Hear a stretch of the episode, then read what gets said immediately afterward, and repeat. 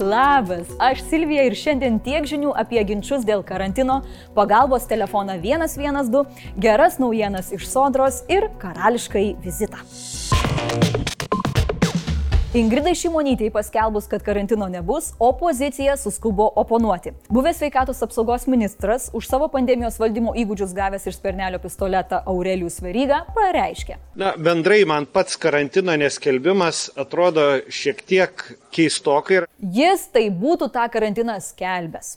Negana to priminė, kad kai dar buvo valdžioje, tuometinė opozicija jį kritikavo.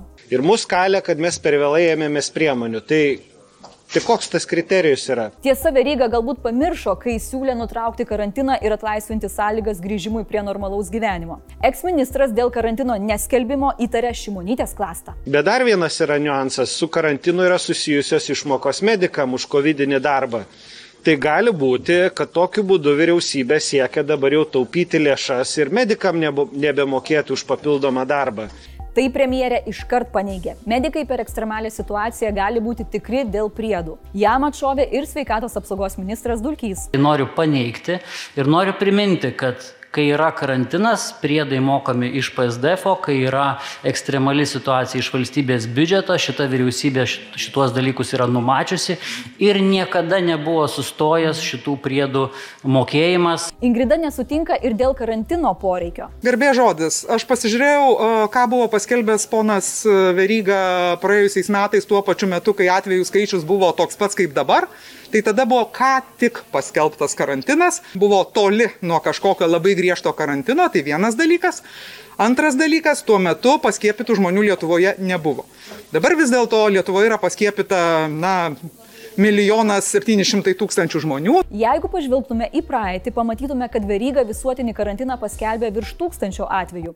Taigi nėra viskas tik juoda ir balta kaip mano marškiniai. Abi pusės svaidosi pareiškimais, kad viską būtų dariusios geriau, o savo trigrašį įkišo ir ekspremjeras kasdien į darbą važiuojantis asfaltuotų keliukų Saulis Kvernelis. Jis padarė tokį gana drąsų pareiškimą. Jei vadovautų jis, Aš dabar galiu drąsiai pasakyti, kad tokių skaičių dabar būtų nebuvę. Tai aišku, Sauliau, tu ir prezidentas geresnis būtum, ir mentas gal geresnis, bet, bet dėja laiko nesustabdysi ir neatsuksi atgal. O gal atsuksi? Prisiminkime, kokius koronaviruso rezultatus Kvernelis paliko po savo vadovavimo. Praėjus mėnesiui buvo štai tokie skaičiai. Beveik 4000 atvejų ir 75 mirtis. Svarbi žinia. Nuo spalio pirmos Lietuvoje nebelieka atskirų pagalbos numerių. Juos keičia vienas ir vieningas 112. Toj tie numeriai bus išjungti ir prašom įsidėmėti vieną vienintelį numerį. Tai yra 112, norint išsikviesti skubiosios pagalbos tarnybas. Jis jau dabar sėkmingai veikia. Skambučiai į kitus numerius buvo peradresuojami į 112. Taigi nebus jokios padidėjusios skambučių apkrovos. Senųjų numerių panaikinimui numatytas pereinamasis laikotarpis. Paskambinus jais iki kitų metų kovo 31 dienos, malonus automatinis balsas patars pagalbos kreiptis 112. O balandžio 1-ąją senieji numeriukai bus visiems laikams išjungti. Apie 15 procentų visų skambučių srauto iki šiol buvo tais panaikinamais numeriais. Taigi daliai šie pokyčiai yra naujiena dieną. Tačiau įsiminti vieną numerį yra žymiai lengviau. O jei ne, tada štai smagus įsiminimas. Dabar pademonstruosiu, kaip tą numerį paprastai įsiminti tai yra. Tai yra viena burna, viena nosis, dvi akis. Daugiau nieko nereikia atsiminti žmogui, kad įsidėmėtų vieną vienintelį Lietuvoje veikiantį skubiosios pagalbos tarnybų numerį. Supratote? Vienas, vienas, du. Atsiminkite, gaisro, nusikaltimų, pavojaus jūsų ar artimųjų gyvybei atveju skambinkite vienu vieninteliu numeriu - 112. O jei operatorius ilgai neatsilieps, laukite, nes skambindami iš naujo būsite dedami į eilės galą. O jei darydami vieną burną, vieną nosis ir dvi akis netyčia stipriai įsidursite iki kurią nors akį, skambinkite, na jūs jau patys žinote, kam skambinti. Norėjote gerų naujienų? Štai ir jos. Sodros duomenimis vidutinis darbo užmokestis Lietuvoje per metus paaugo 16,5 procento ir dabar siekia pusantro tūkstančio eurų ant popieriaus. Alga į rankas padidėjo 15 procentų ir siekia beveik 1000 eurų. Sparčiausiai atlyginimai augo elektroninės įrangos surinkėjams ir iki mokyklinio ūkdymo mokytojams. Toks augimas pastebimas, nes tokiu pačiu laikotarpiu pernai pajamos augo lietai arba iš vis neaugo. Įtakos turėjo ir padidinta minimali alga. Per metus net 63 procentams šalies gyventojų atlyginimai augo, 14 mažėjo, 23 procentai pokyčių visai nepajuto. Nu, pajuto nebent pavydą, kad kitiems augo, o tiems ne. Didžiausi atlyginimai ant popieriaus fiksuoti tarp IT vadovų, programinės įrangos kuriejų, gydytojų specialistų. Suprantama, kodėl. Sorošo fondas pavedimus atliko, ne?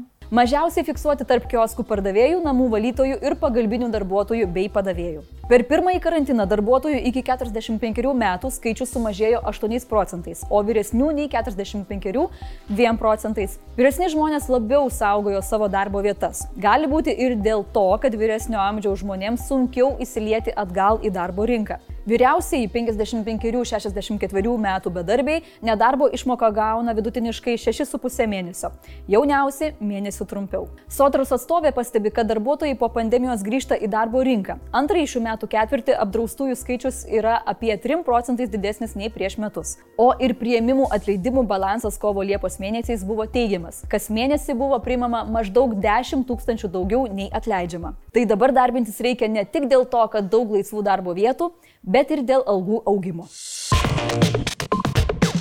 Vaikščiodami po Vilnių galėjote pamatyti pas mus viešinčią Danijos kronprincesę Mary. Vienas iš jos darbų - Danų tapybos aukso amžiaus parodos atidarimas Vytauto Kasiulio dailės muziejuje. Ja galite aplankyti iki lapkričio 7 dienos.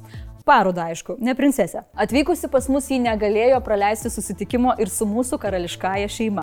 Prezidentas sakė, kad vertina ir brangina šalis siejančius draugiškus ryšius. Susitikime buvo aptartas dvišalis ir regioninis bendradarbiavimas, klimato kaitos stabdymo ir žaliosios ekonomikos iniciatyvos. Įdomu, ar buvo aptartos ir LGBT teisės, žinant, kad princesė Meri yra didelė LGBT judėjimo dalis Danijoje.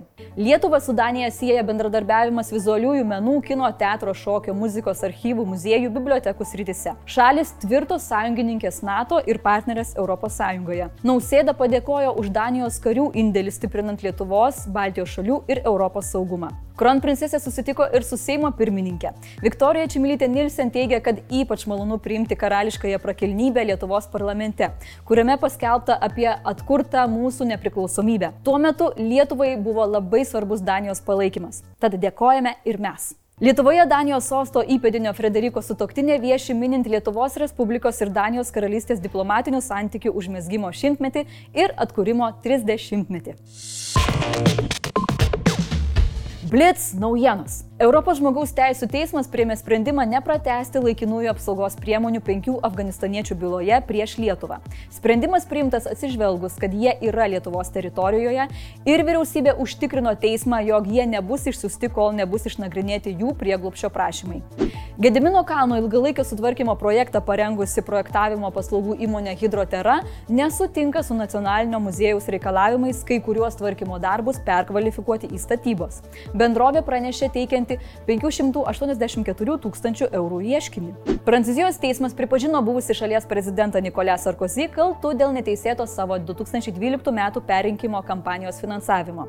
Jam skirta vienerių metų laisvės atimimo bausmė. Sarkozy ketina skūsti teismo sprendimą. Baigėsi ilga popmuzikos princesės teisinė kova. Los Andželo teisėja nušalino Britney Spears tėvą nuo prieštaringai vertinamų jos globėjo pareigų. Džeimio Spearso įgaliojimai leidė jam kontroliuoti Britney gyvenimą 13 metų sustabdyti, o dainininkiai paskirtas laikinasis globėjas. Leave Britney alone! Mm. O jūsų mėlyjei noriu paklausti, kaip jūs manote, ar reikia vis dėlto skelbti karantiną ar ne? Parašykite komentaruose, labai labai įdomu. Man atrodo, mano katinai, žinokit, sugedo. Gal galit patarti, ką daryti? Žmonės kalba, kad bus labai karštas savaitgalis. Tai linkiu Jums gero savaitgalio ir tiek žinių.